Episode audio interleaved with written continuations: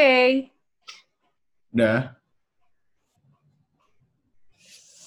Hmm.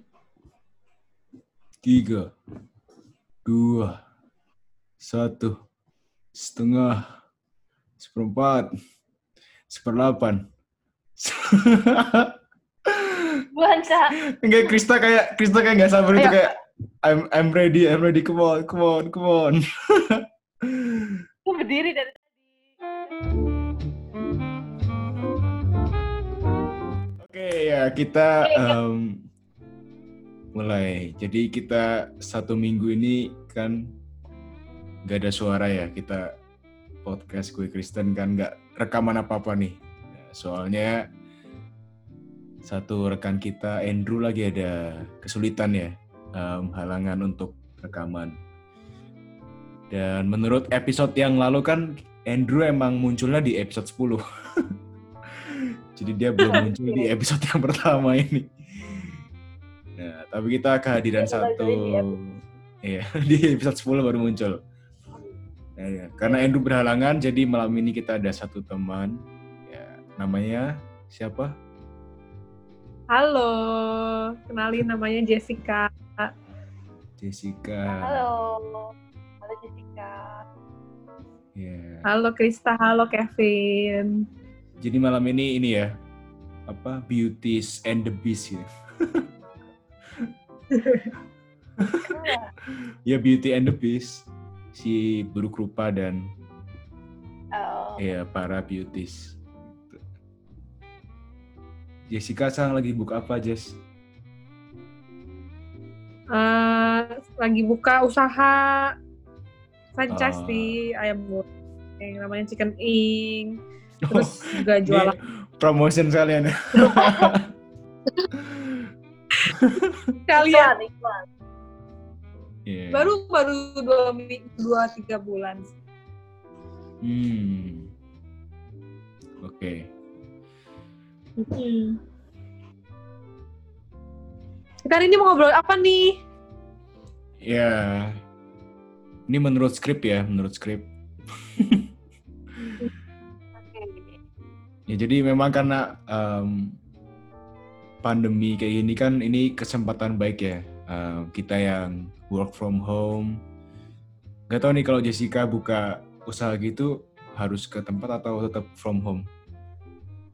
Oh, tetap from home. Soalnya kan di sana udah ada tiga orang, jadinya Hmm. bisa ditinggal.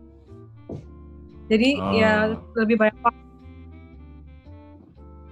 Ya jadi karena kita from home nih kan em, harusnya kesempatan yang baik ya.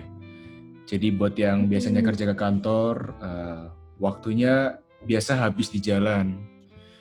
Nah, cuma karena sekarang from home, jadi waktunya yang habis di jalan itu, apalagi buat kita ya yang ngakunya gue Kristen tuh bisa dipakai untuk hal-hal yang berkaitan dengan gue Kristen, misalkan baca Alkitab atau berdoa gitu ya.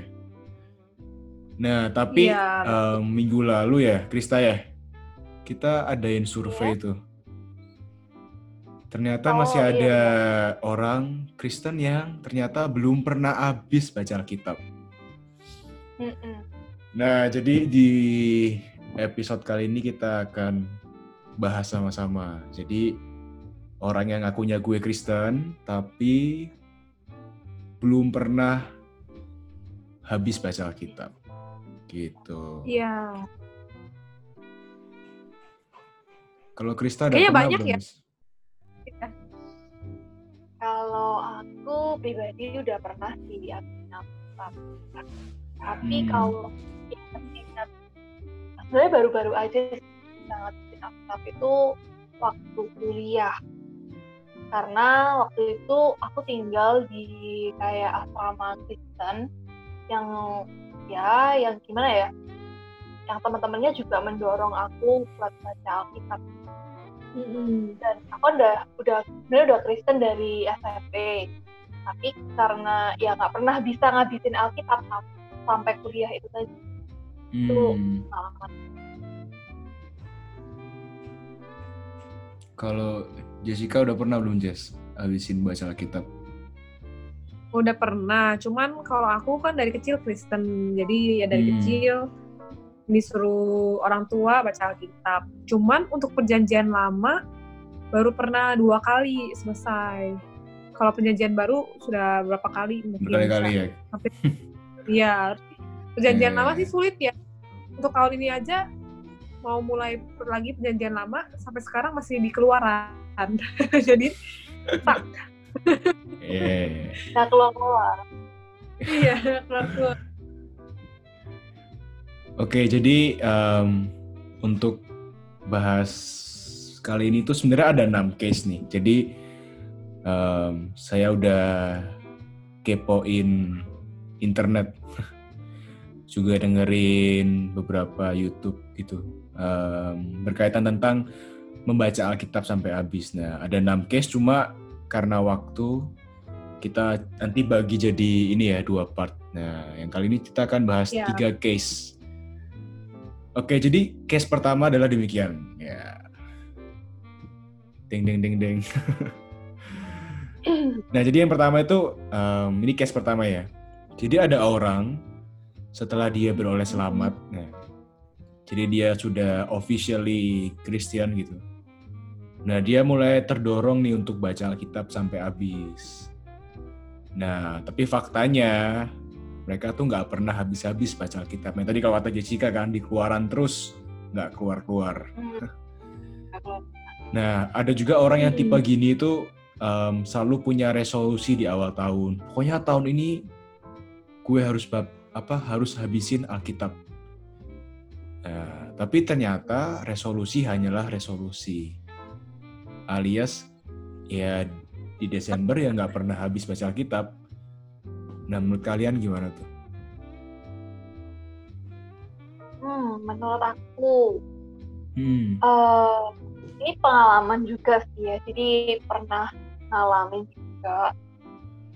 Awalnya terdorong buat baca Alkitab juga jadi satu resolusi awal tahun. Kenapa kok resolusi awal tahun? Karena tiap akhir tahun itu aku selalu ikut yang namanya retret. Jadi di retret Hmm. itu pasti kayak ada namanya eh, kamu mau apa sih perbaikan apa yang kamu mau lakukan di tahun berikutnya. Salah satunya Hmm. adalah buat baca Alkitab. Dan ini waktu aku remaja ya. Nah, waktu itu tiap tahun itu pasti bakal ya punya resolusi untuk baca Alkitab. Oke, aku tahun ini harus selesai ini. At least perjanjian baru lah ya. Tapi nggak pernah ini, nggak pernah jadi kenyataan sebenarnya. Karena eh, sama kayak tadi dibilang cuma jadi resolusi awal tahun, paling bacanya cuma eh, awal-awal doang ya kan. Mungkin sebulan awal doang, setelah bulan berikutnya udah nggak baca lagi gitu kan Hmm. kembali ya, merasa ya udah gitu kan udah lewat gitu itu pengalamanku dulu Iya, Oh. bener bener Kalau pengalaman aku sih sering kali juga mirip ya. Di akhir tahun pasti ada resolusi untuk tahun depannya selesaiin Alkitab.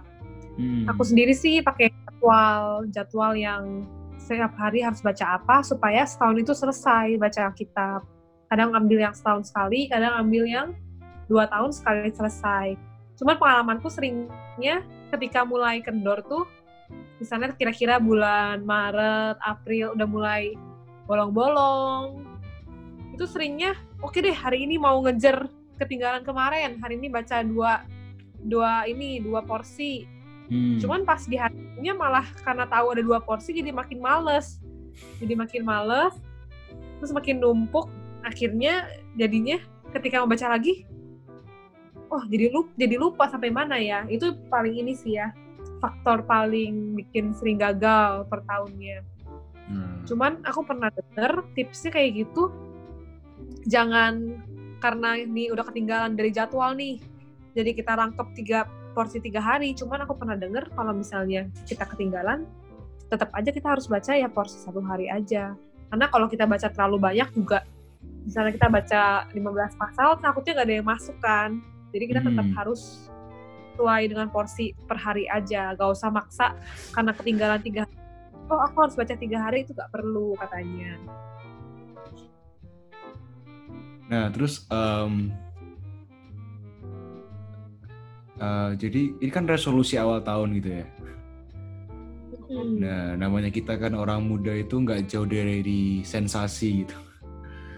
Kayak anggapnya ya udahlah tahun ini udah nggak baca. Oke, I have another chance gitu kan. Kesempatan baru di tahun yang baru ini yakin pasti bisa itu ya kan. Kalau kata ojol kan pasti Iya. ada jalan. nah, cuma ternyata sensasi itu kayak mungkin bertahan cuma dua bulan gitu kan, satu bulan. Terus sekarang ngerasa, aduh seminggu udah lupa baca, ya udahlah nggak usah deh, nggak usah baca gitu. Nah, jadi kan masalahnya Iya. kan sebelumnya kan di konsistensinya kan, di konsistensinya itu. Nah, kalau dari kalian ada nggak sih maksudnya cara biar tetap konsisten gitu maksudnya? Konsisten ya iya. kalau dari aku ya untuk konsisten itu kalau pengalaman aku pribadi susah ya jadi karena aku orangnya nggak konsisten gitu kan apalagi soal baca Alkitab Mhm. itu karena aku sendiri nggak suka baca kan artinya jadi eh, nggak bisa konsisten buat baca nah karena Hmm. itu eh, belakangan ini sih baru sekitar satu bulan ini karena selalu gagal ya kan bukan selalu gagal sering kali itu gagal. Untuk baca Alkitab itu bisa yang setiap hari pasti baca. Jadi kayak akhirnya aku bikin satu eh, pembacaan sama temen. Di mana kita bakal bisa saling ingetin jadi kan kalau misalnya aku lupa nih ya kan dia bakal ingetin. Kalau dia dia yang lupa aku ingetin. Dan itu ternyata eh, satu bulan ini berjalan dengan sangat baik gitu. Jadi kita nggak pernah nggak pernah bolong. Even even bacanya sampai malam-malam gitu tapi kita baca hari itu Hmm. jadi kalau dari aku sih tipsnya itu punya rekan buat baca. Jadi apalagi terutama untuk orang-orang tipe kayak aku yang nggak suka baca harus ada orang-orang di sekitar yang bisa dorong buat baca Jadi ini solusi buat orang-orang yang nggak suka baca ya. Harus iya ada rekan.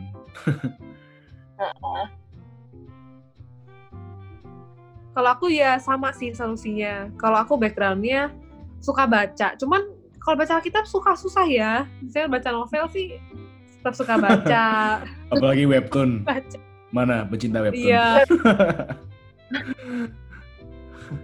Kayak aku sendiri selesaiin bukunya Agatha Christie kan, buku novel misteri gitu. Oh, Bukunya iya, tebel iya. pada sudah gitu baru selesai baca jadi inget loh kok ini baca nggak kerasa ya? Kalau kita kok kerasa ya? Kayak gitu padahal kan tebelnya mirip ya. Jadinya Hmm. kalau aku solusinya juga sama. Untungnya tuh puji Tuhannya kira-kira sekitar bulan lalu aku diajak baca sama satu orang diajak baca dia bilang "Yuk, kita baca bareng yuk. Dibikinlah satu grup isinya empat orang nah jadi kita setiap hari kalau udah baca kita harus laporan saya sudah baca dan Oh iya, dan iya, iya.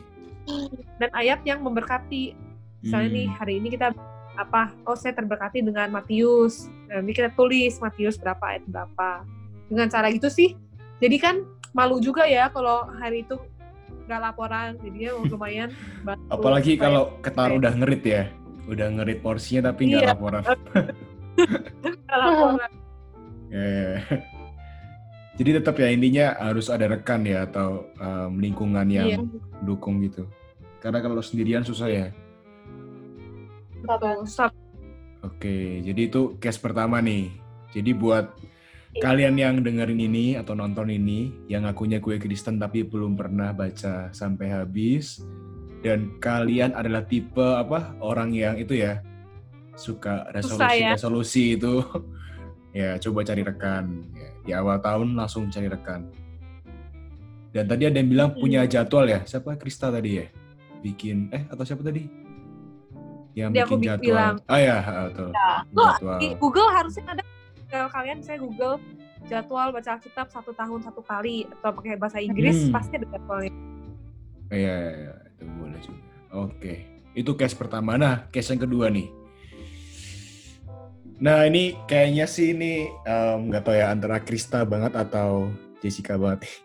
Jadi ada orang Mana di- waktu mereka tuh mau baca Alkitab. Nah, mereka tuh nyusun strategi dulu nih. Jadi kayak baca kayak perang gitu. mereka susun strategi. Nah, apa strateginya misalkan bacanya urut nggak ya? Dari kejadian dulu keluaran ya kan? Imamat ulangan bilangan terus sampai wahyu. Nah atau strateginya tuh bacanya acak gitu acak. Jadi ya udahlah minggu ini Matius. Aduh. Bosan Matius. Besok Yohanes. Aduh Yohanes bosan coba deh langsung ke pasal terakhir Yohanes gitu. Iya. atau uh, maksudnya uh, jadi ini memang tipe orang yang suka strategi gitu tipe strategi atau misalkan hari ini li- lima pasal dulu besok empat pasal aduh empat pasal gak kuat lah besok dua pasal nah menurut kalian gimana nih jadi ini orang yang tipe strategis mau baca tuh Hmm. susun dulu strateginya Hmm, iya, iya. Ini kalau stra- ngomong strategi ya, strategi baca Alkitab Hmm. Dulu ya kan, dulu terus ya. Jadi waktu aku eh sebenarnya eh ingin eh, ada keras perasaan ingin baca Alkitab itu baru ada waktu SMA. Jujur aja waktu SMP itu nggak ada. Tapi kayak gitu, maksudnya mau baca pertama cuma resolusi doang gitu kan baca baca baca nah waktu itu eh, ada kakak gembala gitu kan ngisi kalau kamu baca jadi dia kasih strategi kasih tips gitu kan supaya kamu bisa baca nah yang pertama itu dia kasih cara eh, atur waktunya. Misalnya nih oke aku jam 10 ya kan. Jam Mm-mm. 10 yang mau baca. Eh, pokoknya aku kasih waktu 15 menit buat baca. Ya, ya 15 menit itu bakal baca. Jadi terserah kamu mau baca. Karena waktu itu bacanya perjanjian baru sih. Jadi langsung baca dari kitab Matius. Hmm. Eh, baca 15 menit. Ntar kalau 15 menit itu habis ya udah stop sampai situ nah ada juga yang waktu itu kakak gembala kasih tahu oh bacanya per pasal aja. Jadi misalnya Iya. konsisten nih eh, sehari dua pasal atau tiga pasal gitu kan nah tapi sebenarnya dari tips-tipsnya mereka tuh nggak pernah berhasil di aku sampai eh, nggak pernah berhasil. Jadi aku lakuin ya kan sekali dua kali. Tapi nggak bisa apa ya nggak bisa konsisten gitu kan. Hmm. terakhir ini sih jadi terakhir ini ya aku pakai sistem yang kayak tadi Jessica kasih tahu yang setahun itu kamu mau habisin Alkitab setahun atau dua tahun gitu kan? Di setahun Hmm. bakal dibagi jadi setiap hari itu baca berapa pasal. Jadi at least kita tuh kayak eh, nggak tahu sih kalau dengan kayak metode itu aku merasa aku punya goal gitu kan aku baca Alkitab oke setahun aku bakal selesai nih perjanjian baru gitu kan. Jadi kayak ya baca tuh semangat jadi kayak buat tabel gitu kan tabel tiap habis baca aku bakal tentangin Hmm. kalau kan kita udah kelihatan nih oh iya berarti tinggal ini jadi kayak seru aja sih terus strategiku sekarang dan eh puji Tuhan masih berjalan gitu. Hmm. Sebelum ke Jessica nih, jadi em, tadi kan yang penting baca abis itu kan. Iya. Hmm. Kalau menurut Jessica nih, em, jadi oke dong misalkan orang itu strateginya tuh ah Yohanes dulu, ya kan selesai, habis Yohanes langsung ke Wahyu, habis Wahyu balik ke Petrus, satu Petrus, satu Petrus kisah Rasul. Jadi dia buatnya gitu tuh, kan strategi kan, yang penting habis baca Oh. perjanjian baru. Nah kalau menurut Jessica gimana nih? Karena penting kan habis itu kan. Iya, make sense sih strateginya make sense. Cuman menurut aku ya, kalau kayak gitu jatuhnya kita bakal baca apa yang kita suka doang. Karena kan kita Hmm. maksudnya pada dia kan suka, ja- jarang ya yang suka baca firman. Kayak aku juga punya temen, dia tuh suka banget Mazmur 91. Apalagi sekarang lagi zaman-zaman corona gini kan, Mazmurnya kan sangat menghibur atau Mazmur 23. Jadi ya dia baca hari ini 91, besok 23. Besok Mazmur 91, besok Mazmur 23. Jadinya ya pandangan dia cuman mengenal Tuhan yang seperti itu. Padahal kita tahu kan Tuhan kita kan Tuhan yang begitu kaya, dia begitu banyak sifatnya, dia itu baik, dia itu kasih, dia itu kan adil benar. Tapi kalau kita baca yang misalnya Mazmur 23, Tuhan adalah gembalaku, ya kita cuma tahu Tuhan sebagai gembala. Padahal kan Tuhan sebagai yang lain-lain juga. Jadi misalnya, kecuali ini dia bisa loncat-loncat tapi dia stabil ya. Tapi yang sejauh ini aku perhatiin, jarang ada orang yang bisa loncat-loncat tapi stabil bisa selesai semua. Karena, karena ujung-ujungnya pasti dia baca yang dia suka doang gitu. Ah. Iya dan pasti juga Alkitab itu disusun juga nggak nggak sembarangan ya. Iya, Maksudnya kenapa. Matius pertama, Markus kedua, terus Lukas, Yohanes itu juga bukan ini kali ya, nggak iseng juga pasti ya. kan aku udah tujuannya. nyusun manusia. Iya iya iya. Iya. Jadi Yang emang penting urut em, sih bacanya. hmm. Aku juga nggak nggak pernah baca lompat-lompat. eh, bukan nggak pernah sih, maksudnya nggak nyaranin buat baca Udah kayak lompat-lompat gitu kan. mhm. Karena bakal bingung. Kita nggak tahu. Misalnya hari ini bahasa Mazmur nih, ntar besoknya Matius, ntar mau balik lagi ke Mazmur nggak tahu sampai yang mana. Iya. Bingung kayak gitu. Ya. Jadi em, punya strategi itu oke, tapi dalam hal pembacaan tuh lebih baik tadi ya kayak Krista dia bikin apa tadi? Apa laporan perabi ya? Eh, tabel, centang, tabel. ya tabel.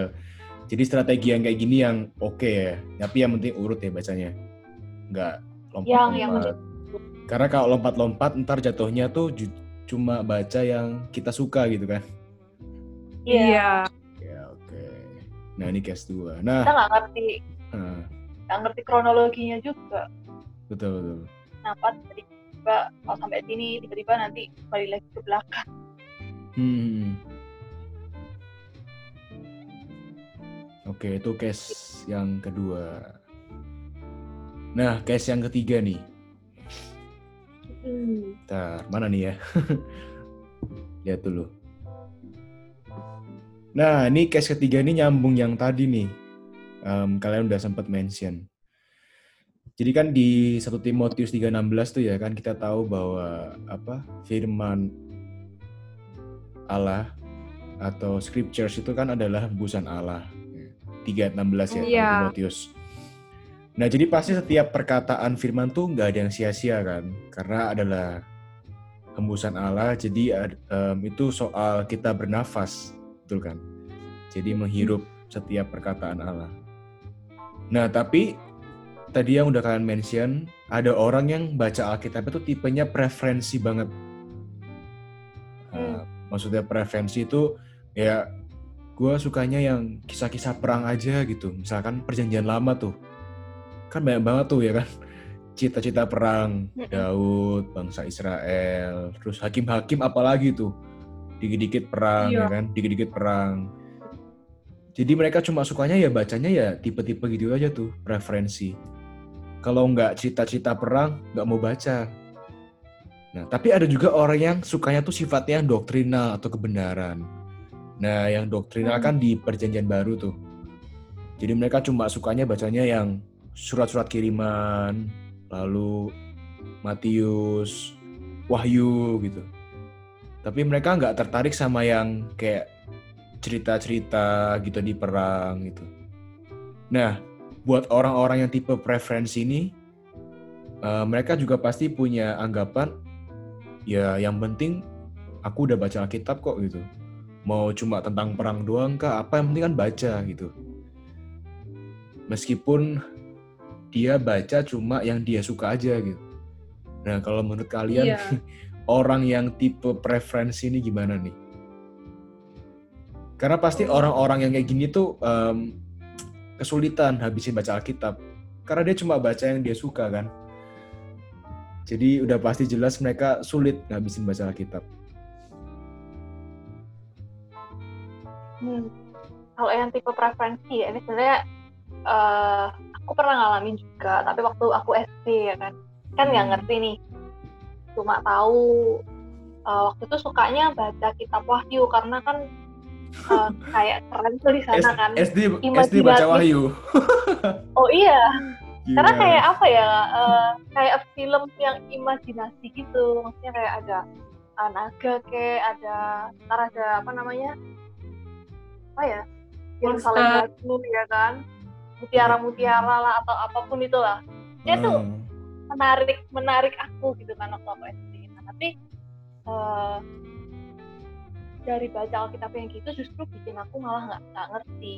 Ini kayak eh, aku nggak memahami. Akhirnya jadi nggak mendapatkan makna dari 1 Timotius 3 ayat 16 yang mengatakan Alkitab itu hembusan Allah gitu Hmm. jadi karena cuma bacanya itu doang gitu kan dia di yang ngerti apa apa gitu. Maksudnya nggak ngerti maknanya juga apa nggak kenapa tiba-tiba bisa sampai ceritanya kayak di Wahyu.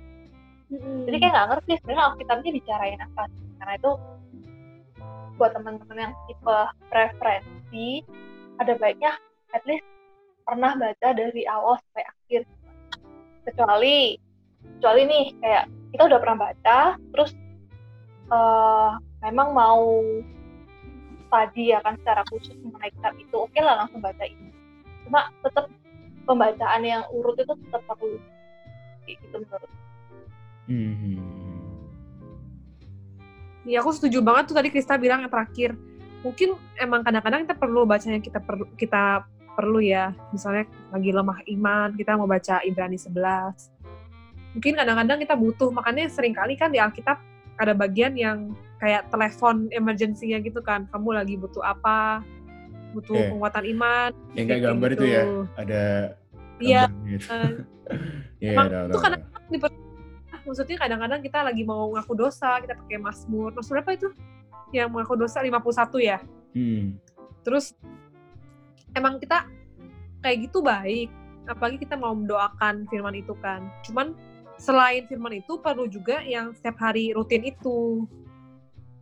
Misalnya kayak aku sendiri pribadi ya, misalnya lagi lagi baca ulangan, sering kali pas baca kitab ulangan itu merasa kok hari ini kayak nggak baca Alkitab ya karena yang aku baca nggak ngerti angka-angka doang. Aku merasa butuh baca Hmm. firman yang menguatkan jadi aku baca lagi tambahan di Ibrani atau di kitab lain jadi menurutku sih nggak apa-apa misalnya kita baca yang yang kita lagi butuhkan hari itu cuman jangan lupakan yang bacaan setiap hari yang teratur itu karena kita perlu banget baca kitab Hmm. yang yang selesai untuk mengetahui kronologi dan mengetahui benar-benar full gitu apa isi Alkitab. Karena kan em, ada orang Kristen yang mungkin nih kayak kayak Krista ini kan desain ya interior gitu. Jadi Hmm. imajinasinya tuh kuat. Nah, jadi dia baca Alkitab tuh dia juga menerapkan apa ya personalitinya dia ke Wow, wow. Alkitab gitu. Jadi kalau makanya kalau dia baca Alkitab, misalkan contoh oke dia punya udah punya daily schedule kan. Terus pas dia Iya. lihat nih, pas dia lihat, wah hari ini hakim-hakim nih, uh semangat banget bacanya. Dia baca. Karena apa? Karena dia imajinasinya jalan gitu.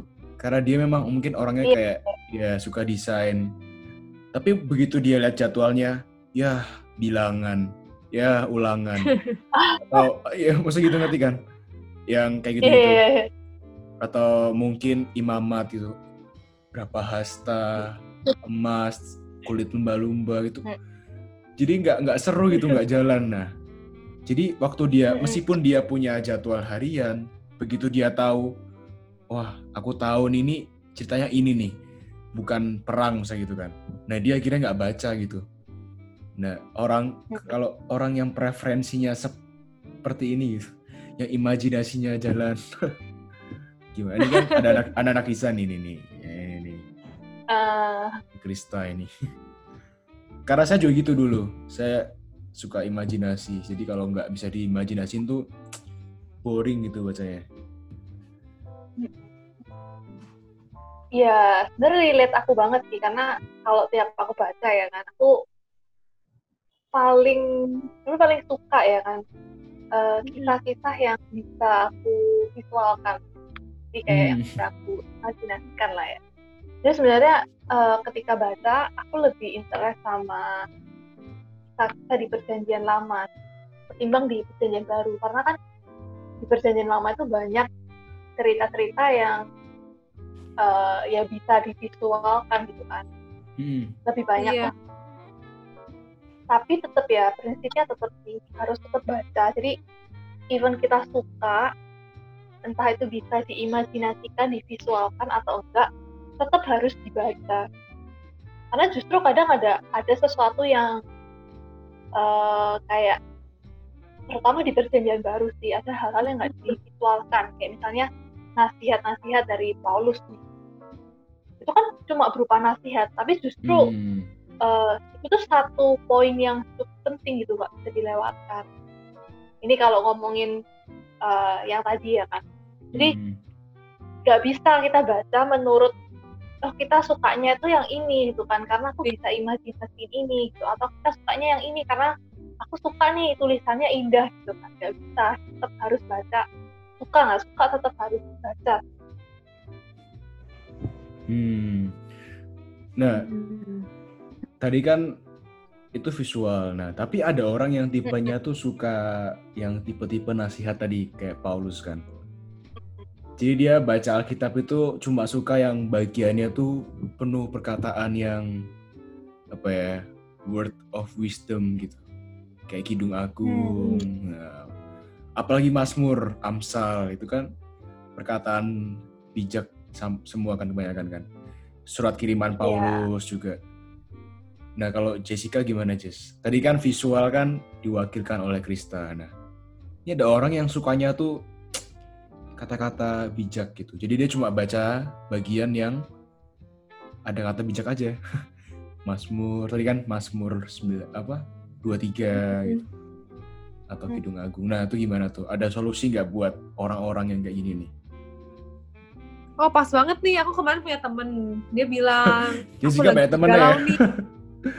dia banyak temen kayak Jessica. Iya. Yeah. pas banget. Oh, terus habis itu aku galau nih gak bisa tidur dia bilang gitu kan jadi aku susahin baca Alkitab waktu itu Kidung Agung maupun khotbah dia bilang susahin uh.